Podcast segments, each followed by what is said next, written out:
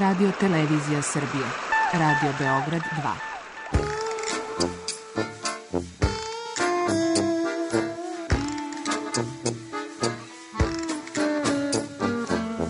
To rekli su mi, gospodine, vi ste promašili temu. Pa ja sam onda promašio život. I ne znam šta će da bude sam. Kaže, ja ne mogu više te čuvam. Šta da ti radi, kaže. Snađi se kako znaš. Mi smo kao u kafesu. Za nas to je najmrtvo. To je mrtvo za nas. Naročito. I ja bih želela neko da me usvoji. To bih želela. Govori da bih te video. Program dokumentarnog zvuka.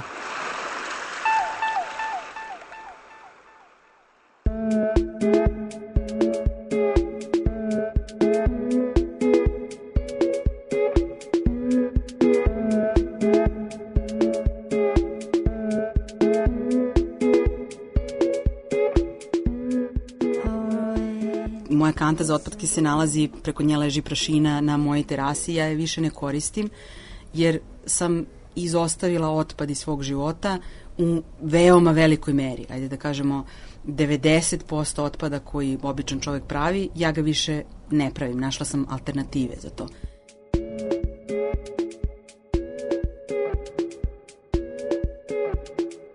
Ja sam Milja Vuković, istoričarka sam umetnosti, ali mislim da danas vodimo ovaj razgovor zbog eh, mog ekološkog aktivizma koji se nekad eh, graniči sa eh, radikalnim džihad pristupom, a nekad je ovaj jako nežan i jedno i drugo, tako da mislim da je to predstavljanje.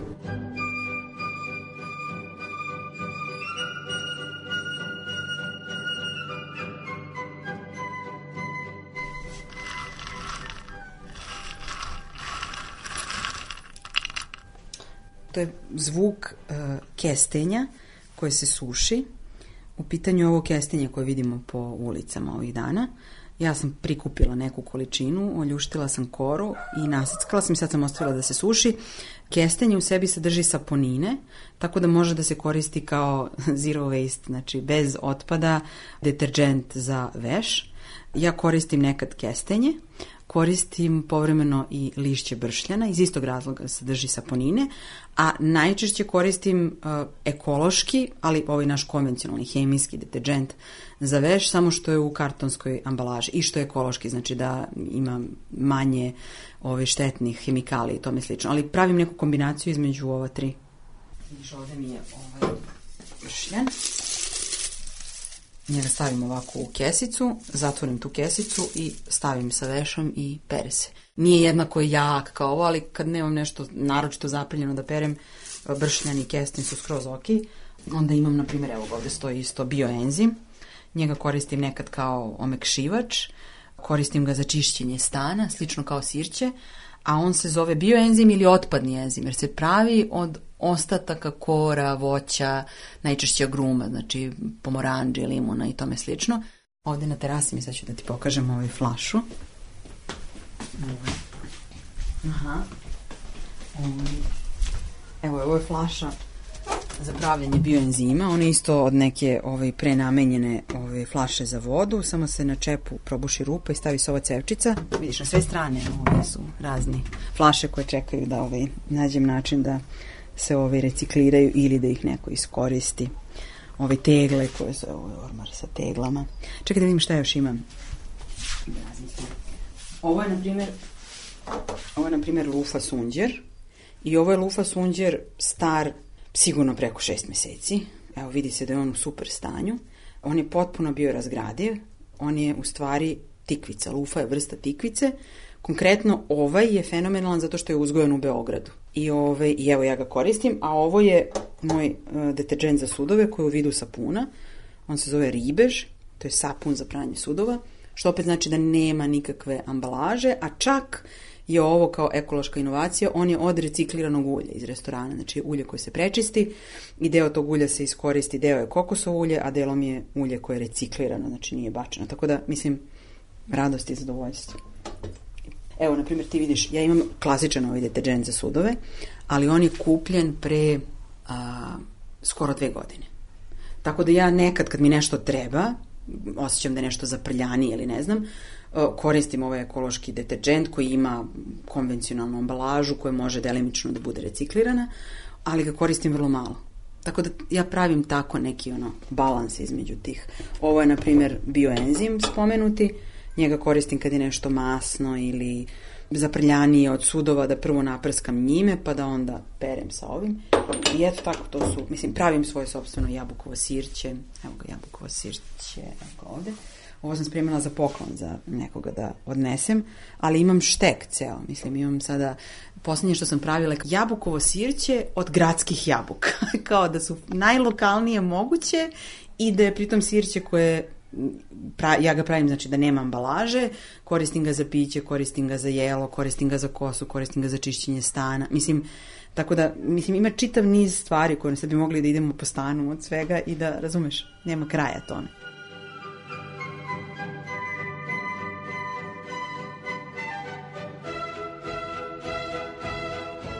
Mislim da sigurno ima veze s nečim kako te roditelji podignu. Mislim, sigurno. Ja znam da smo mi išli u planinarenja, da, da je uvek stavljeno ovaj, neki akcenat na ta iskustva koji imaju veze nekako sa prirodom.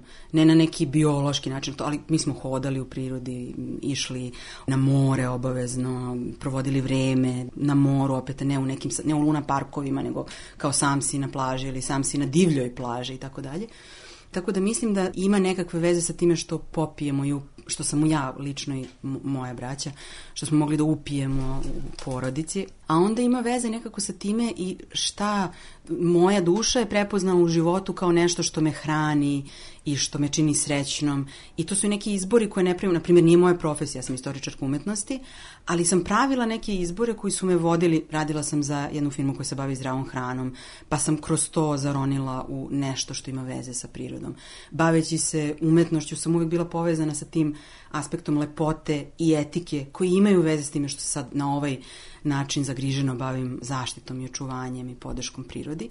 A onda je bilo kroz neke konkretne projekte U jednom trenutku sam radila izložbu koja se zove Putujući izložba reči i koja se bavi srpskim jezikom i ovaj, njegovom sposobnošću da stvori nove reči i nesposobnošću da stvori nove reči. I tu sam se susrela sa predivnom grupom reči koje opisuje prirodu i kao neko ko zaljubljen u reči, ovaj, je to našlo ovaj put do mog srca i nešto mi se tu obratilo. I onda sledeće što se desilo je da sam u nekom trenutku uh, sa prijateljicama u okviru rada udruženja Inakt smislila to nešto se zove Divlji Beograd i što ima veze sa našim e, životom u urbanom ekosistemu, sa time kako da na prvom mestu primetimo prirodu u gradu, jer to je najveći problem. Mi, mi gledamo samo ono što je čovjek stvorio u gradu. Mi ne vidimo da smo mi već potpuno zaronjeni u svet prirode e, nemamo ni zahvalno za sve ono što dobijamo, već u gradu od prirode, nego uvek zamišljamo te neke daleke životinje, kameleone, ne znam, ono, leoparde i tako dalje. Ovo je kao to je priroda, to treba da štitimo. U stvari mi ovdje imamo solitarnu pčelu koja dolazi na našu terasu i koju treba da, da primetimo, makar da znamo da nešto delimo. Tako da je bio onda Divlji Beograd nekoliko godina, on je postao kao aktivnost građana na društvenoj mreži, ukršteno sa saradnjom sa stručnjacima, to je super, ja sam mislila kako je to fino, kako to ovaj pravi neku društvenu promenu, ali u stvari mi smo uvek prve osobe na koje to sve što radimo ima efekat.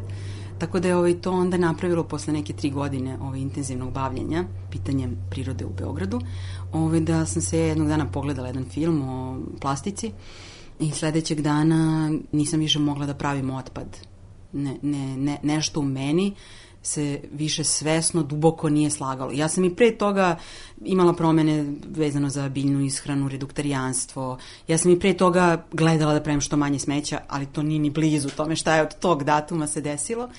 I onda nekom neverovatnom brzom progresijom se desio razvoj te jedne druge grupe inicijative koju vodim koja se zove za manje smeće i više sreće ovaj Zero Waste Srbija ili low, Zero Waste i Low Impact Srbija, kako kad ovaj, napišem koja je jedna dosta velika i veoma dinamična zajednica na društvenim mrežama, na Facebooku i na Instagramu, ali koja je u stvari sad kao neki mali društveni pokret, maltene.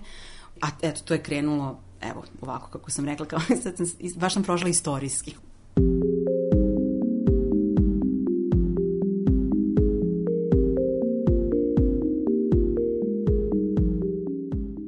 ja prirodu volim, a način da joj to konkretno pokažem i da to ne bude na rečima, u ovom trenutku osjećam da je kroz tu promenu koja treba da se desi u gradovima, u ponašanju nas ljudi u gradovima. Meni gradovi izgledaju bukvalno kao neka vrsta kancera koji se širi planetom, jer um, urbani ekosistemi su uh, specifični po tome što uh, svi ekosistemi imaju proizvođače, potrošače i razgrađivače. I ta tri su u konstantnoj dinamici i balansu u gradu to nije u balansu i nema dovoljno, ima previše potrošača, sasvim nedovoljno ovih proizvođača i nedovoljno razgrađivača. Tako da mi nismo zatvoren krug i zato mi sišemo. Mi smo u stvari parazit na ostatku životne sredine.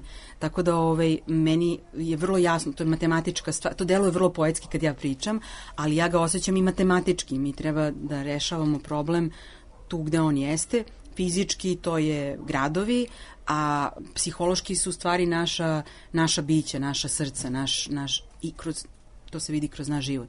Ja mislim da, da je najveći problem u ovom trenutku duhovni problem, da je ekološka kriza i ekonomska kriza, da su one odraz duhovne krize koju homo sapiens proživljava u ovom trenutku na, na planeti. Meni je to strašno jasno, ja to vidim nerazdvojivo tako. Ali ovaj, sad kako, šta je to neka duhovna obnova, ovaj, to je za mene je to vrlo tačno pitanje. Ja nemam, ne predlažem nikakvu sad novu crkvu, tradiciju, ne vidim, ja nisam poklonik nečega, da kažem, evo, zapratite ovo, ali ono kroz šta vidim, ili mi se čini da je moguće da do te obnove dođe, jeste kroz, evo, e, kompost. Ja sam videla da kroz to što krenemo da kompostiramo, što kompostiranjem osetimo tu kružnost materije, vidimo kako se organski otpad pretvara u plodonosnu zemlju, a ne završava na deponiji i ne pravi taj fantastičan ugljenični otisak koji naš organski otpad pravi kada završi na ovoj deponiji.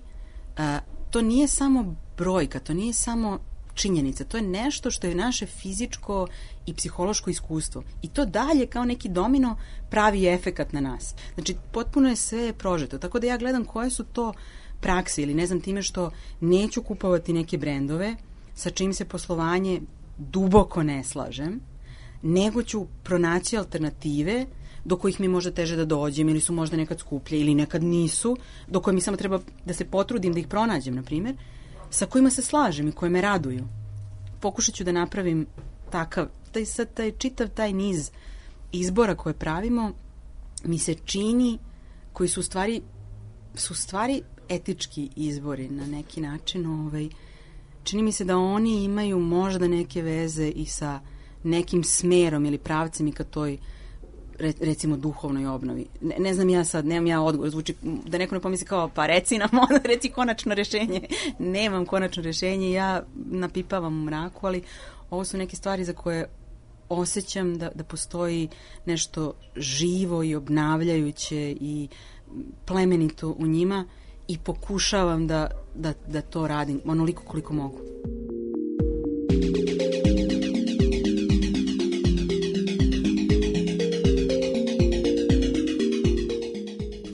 Evo, mi smo sad kod mene na terasi i ja nemam trenutno nikakav organski otpad, ali evo bacila sam upravo malo kafe, jer smo napravila kafu jutros. Ovaj, ovde se nalazi razni ostaci od, suvi ostaci od biljaka iz mojih žardinjera ovde na terasi.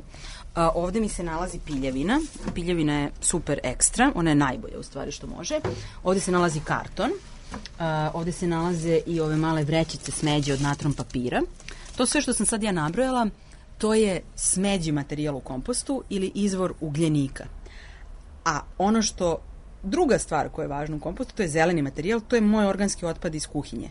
Organski otpad iz kuhinje je sve ono što uh, imamo ljuske od povrća, od voća, neki ostaci od hrane, samo ako nije mnogo začinjena i mnogo masna, jer to kompost ima problem da vari. I mi u kompostnoj kanti koja nama stoji na terasi imitiramo proces razlaganja materije. Ono što se dešava kada šaljemo naš organski otpad na deponiju je truljenje materije koji ima čitav niz problematičnih nus posledica i pratećih radnji. Kompost je u stvari, e, ranije se to na selu zvalo đubre, da bacim na đubre. I mi đubre zovemo odatle. To je bilo mesto gde smo mi deo organskih tvari vraćali prirodi i na tom mestu su se one razgrađivale i postajale zemlje. Ono što ja imam kao uh, proizvod iz kompostne kante je zemlja, evo je ovde. Ovo što se ovde vidi, što 100% izgleda kao zemlja, su moje ljuske od tikvica, od krastavaca, lubenica i tako dalje, koje su sada pretvorene u zemlju. Evo je, može da se čuje malo. Koja je spremna i to kalorično, ono, super, kao đubrivo zemlju, zemlju koje, koju treba u određenom procentu dodati našoj zemlji u koju sadimo cveće, biljke i tako dalje, ili je ne, moramo, ne mora ništa naše. Ja mogu ovu zemlju da dođem ispred moje zgrade do ovog kedra i da kažem hvala ti kedre, mnogo si lep, ulepšo si mi život, evo ti malo ovog đubriva i da mu je dam. Znači ne postoji više nikakav problem. E, kompost je rešenje za organski otpad koji imamo u kući i nama je potrebno da imamo kompostiranje i uslugu kompostiranja na nivou grada, komunalno rešenu, a dok je nemamo komunalno rešenu, se ja snalazim sa mojom kompostnom kantom na terasi.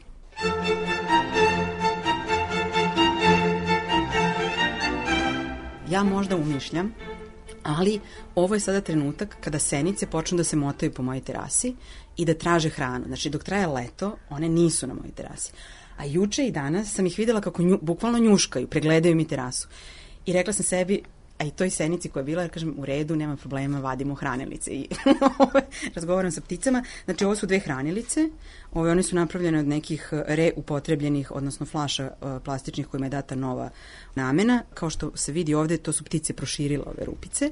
Ove, ja ću njih napuniti suncokretom i zakačit ću po jednu na svaki od ovih delova terase i ovde bude kad dođe u hladnije vreme, ali već sad, jer oni su već došli da traže, bude ludnica. Najveći događaj mi je bio ove sezone, ovog proleća, kada je počeo da mi dolazi detlić na ovu i ja ne znam, on, se, on nađe način da se zakači i nađe način da iz ovoga vadi hranu. To nije ni mala ptica, mislim. Ove, ovaj, a, tako da, da, ovo je sad postavljanje hranilica za ptice. Onda kad smo već na terasi, mogu da pokažem dalje. Ovde je hotel za insekte, na primjer. Evo ovako. Ne jedan, ne jedan, nego dva. Znači, na ovom se vide kako su već neke mame pčele. U pitanju su solitarne pčele, ne medonosne pčele za koje mi jedino znamo, a koje predstavljaju jedan mikronski deo pčela sa kojima mi živimo. Mi u Beogradu, na primjer, živimo sa preko 250 vrsta pčela. A znamo i zovemo, kad kažemo pčela, mi mislimo samo na medonosnu pčelu. E pa, razne pčele dolaze, između ostalog kod mene na terasu, ja uopšte ne znam sve da ih prepoznam, samo da ne, ne bude za... Ali uživam u njima i onda su razne pčele, različite vrste su došle i ovde se vidi kako su zatvorile ove te rupice i unutra se u stvari nalazi jedna ili dve, ne znamo koliko, ili možda i tri, zavisi od dubine ove cevčice, budućih malih pčela koje će izaći ne znam da li od godinu dana ili nešto one tu stoje, ali kad je ovo zatvoreno, tad one otprilike izlaze i evo ja čekam da vidim kad će da bude taj trenutak. A druga je, ove, to je bio deo jednog eksperimenta sa biološkim fakultetom, jer se pojavila jedna ovaj, nova vrsta koja je došla iz Azije, azijska pčela smolarica i pošto je ova moja lokacija super, ali tu postoji njihovo hranilište u vidu ovog drvoreda sofora, ja živim u bloku 70 i on možda jeste specijalan i povlašćen po nečemu, ali e, mislim da u mnogim delovima grada postoji mnogo, mnogo življi život prirode nego što mi to primećujemo. Tako da da, nismo uopšte, ovo su sofore su uobičajeno gradsko drveće, nije neko specijalno koje živi van. I drvoredi sofora postoje u Beogradu i pojavila se ta pčela i ovo je sad specifično ovaj hotel za insekte sa tim većim promerom koji je baš za azijske pčele smolarice. Ali izgleda da se nije ni jedna uselila ovaj put. Znači, insekti su jedna mi imamo prema njima problematičan malo odnos, plašimo ih se i tako dalje, potpuno sve razumem, ali postoje projekti urbanih hotela za insekte i to je super, ti se kreće, pritom, mislim, oni su svakako svuda oko nas, ovaj, mi se samo zavaravamo da nisu, znači, da se postavi na nekoliko lokacija u Beogradu hoteli za insekte, to je pomoć oprašivačima, mi direktno živimo od njihovog rada, ne mi, nego svi. Tako da to je vrlo jedna racionalna i smislena stvar. Ovo meni je takođe zanimljivo kada se, e, kada se drugačije razmišlja o gradu, kada se razmišlja o gradu kao jednom zajedničkom dobru u kome smo mi svi razni koji zavisimo jedni od drugih. Da nije samo taj čovek koji sad muze kao te resurse, muze vodu, muze vazduh, muze pčele, muze krave, mi muzemo rude, mi sve muzemo, nego da shvatimo da smo mi zajedno, da mi delimo sa svim tim bićima i onda, na primjer, meni je super a, to a, gradske zelene površine Na primer, na Slaviji je postavljena jedna žardinjera, a sad sam videla i da ovaj, u parku Vojvode Vuka isto je nešto malo drugačije urađeno. Zasađene su medonosne vrste cveća, koje pritom imitiraju prirodna staništa. Tako da na sred Slavije, makar prošle godine sad su to malo menjali, je bilo moguće videti jata vrabaca koju ta, u tu poleglu travu sleću. Bilo je moguće čuti zujanje pčela ovih medonosnih, jer je bilo puno lavande, makovi. Mislim, nalazimo se na slavi. Ja se onda pitam zašto samo žardinjere koje inače imamo u gradu, zašto sistemski ne promenimo pristup i kažemo mi ćemo sad imati medonosne žardinjere isti je trošak, isto je šareno, samo što ćemo još da podržimo jedan deo koji je bitan svima nama koji smo ovde. Tako da postoji milion načina da potpuno prožmemo naše živote tim priznanjem da smo zahvalni za ono što imamo i da to delimo sa raznima. I to onda pravi, to te onda u stvari tera da počneš drugačije da se razmišljaš. Ne mora niko, ne mora milja nekada ti kaže e, pazite na smeće koje proizvodite, nego ti osetiš sam u stvari, ovaj, slaže se, ovde, dobro, ove, čuju se ptice. Ove, e, ti u stvari sam počneš da osjećaš to, tu povezanost i konsekventno tome da prilagođavaš svoje ponašanje. Eto, to je onda, ako postoji neki ono sažetak i savet kao kako, eto tako. Evo, sad samo da ti pokažem. Znači, evo vidiš. Rukola. Potpuno ono, jestiva, krckava, slat, odnosno gorka i slatka. A, u cvatu u ovom trenutku, a cveta pola godine ja sam je zasadila, onda se ona raširila. Super medonosna biljka, evo, sleću na nju pčele dok pričamo. I to u ovom trenutku kad je šta, je, šta sad cveta? Eto, rukola je jedan mali savet, lavanda, rukola. Mislim, ja sad imam baš dosta medonosnog ovaj, bilja na mojoj terasi, ali zato što sam ove godine se okrenula tome intenzivno, a već sam imala i uslove, ali ono što možemo i mi da uradimo kao pojedinci, ovo je što mogu gradovi, mi kao pojedinci možemo kada sadimo cveće da ne gledamo da to budu samo određene boje cveća, nego da vidimo ako je ikako moguće da to opet bude nešto što, na što će isleteti neki leptir ili pčela.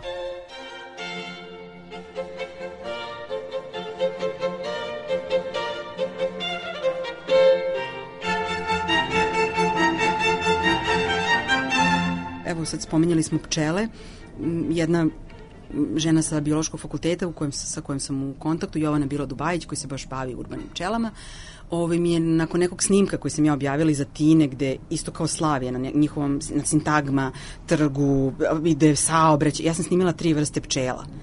I bila sam kao, wow, kako fenomen. Ona kaže, ne, ne, ne, nisu pčele takve, ne razumeš. One, ako ima hrane, one su za, one idu, one prihvataju sve uslove. I meni je to nekako ovaj, posramljujuće za nas, zato što kada vidim, a vidim, to je nešto mene, na primjer, evo i sad dok pričam, dovodi do suza, kada vidim koliko priroda reaguje na apsolutno svaku najmanju šansu, priroda ništa ne odbacuje, ona je mega domaćica, ona nema otpad, ona sve što joj se da, ona prima tu šansu, ona prima priliku za život svuda, uvek. Kada vidim kakav je problem, onda vidim šta mi u stvari uskraćujemo, koliki mi problem pravimo. Jer priroda sa, za, za sve što stigne ona kaže ja sa ovim radim, ja sa ovim radim, ja sa ovim radim, ja, ovo, ja ovde Ovaj, uh, tako da postoji ovaj, uh, ceo jedan uh, roller coaster emocija ovaj, kada se krene od tog ono entuzijazma i ljubavi, posvećenosti do posramljenosti, do poraženosti, do bespomoćnosti. Ja prolazim kroz sve ove emocije skoro na dnevnom nivou. Mislim, ja sam dva puta plakala od jutra, nisam plačljiva osoba uopšte, ali igrom slučaja sam bila na nekom razgovoru o greenwashingu, onda smo se dotakli mikroplastike, uticaje mikroplastike na čak zdravlje ljudi Ove, i jako osetljivo na zdravlje našeg potomstava još dok je u maminom stomaku i to je bilo mesto na kojem ja više ne, ne vidim ni zašto bi se suzdržavala od suza, jer je to izuzetno ovaj, razorno. Tako da ovaj, ovo Divlji Beograd za manje smeća, meni su to sve neki načini da tu zahvalnost i ljubav koju osjećam prema čudu prirode u kojem živimo, iskažem na konkretan način. I onda se to zove ekološki aktivizam ili se zove ovako ili onako, imate neke nazive, ali u stvari nikada ne osjećam da pokriva to što ja osjećam prema tome i to što živim.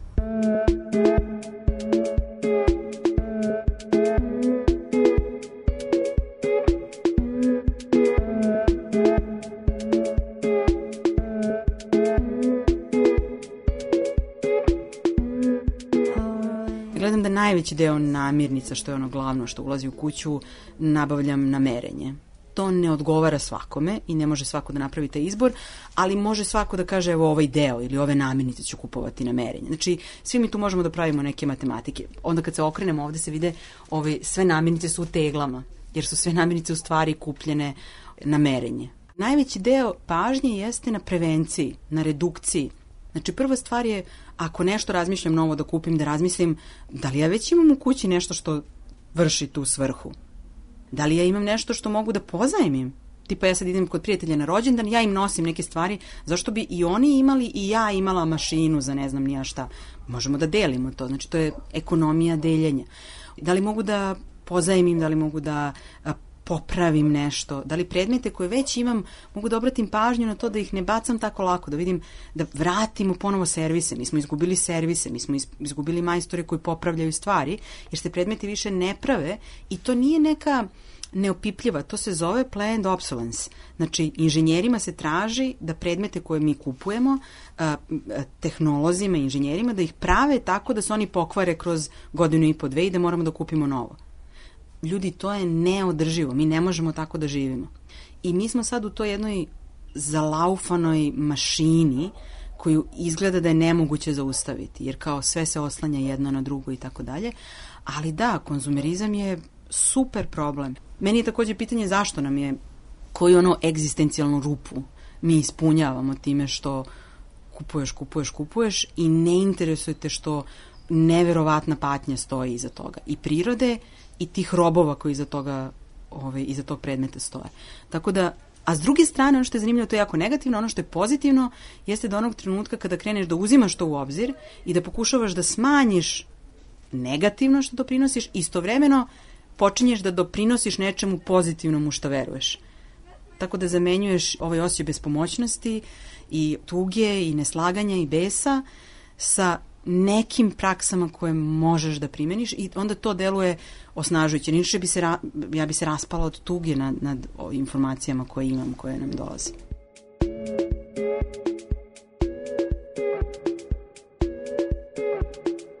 Često mm, me ljudi pitaju da li je skuplje ovaj način na koji živim i da li gubim puno vremena. Ja ne znam sad to kako da se to izračuna. Mogu samo da podelim utisak ili koji imam ovaj, trebalo bi neko ono da uzme mene pa da računa ono, jako to pažljivo, ali ja nemam utisak da je skuplje, zato što mislim da kada neke stvari uzimamo koje su jeftine, ili su jeftinije, brže rešenje, mi ne uzimamo u obzir kroz vreme koliki to problem pravi. I koliko to košta kroz vreme, koliko to košta u zdravlju kroz vreme, koliko će to koštati našu decu jer zauzima prostor na nekoj deponiji, na primjer otpad ili razne stvari mogu da budu u pitanju. Ovaj, tako da kad je novac u pitanju, e, ne čini mi se da je skuplje, a kad je vreme u pitanju, meni se čini da neke stvari uzimaju više vremena, ali je to moj izbor, zato što mi to predstavlja vrednost.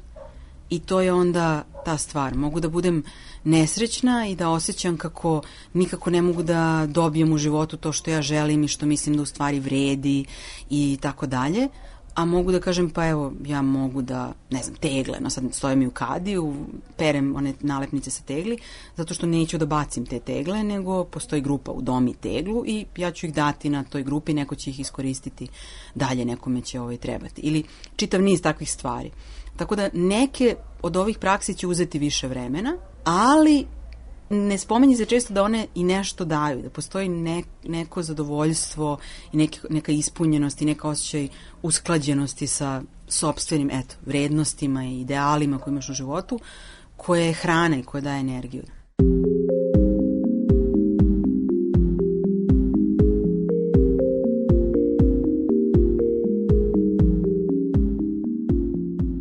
reportaži govorila Milja Vuković, autor Milena Radić.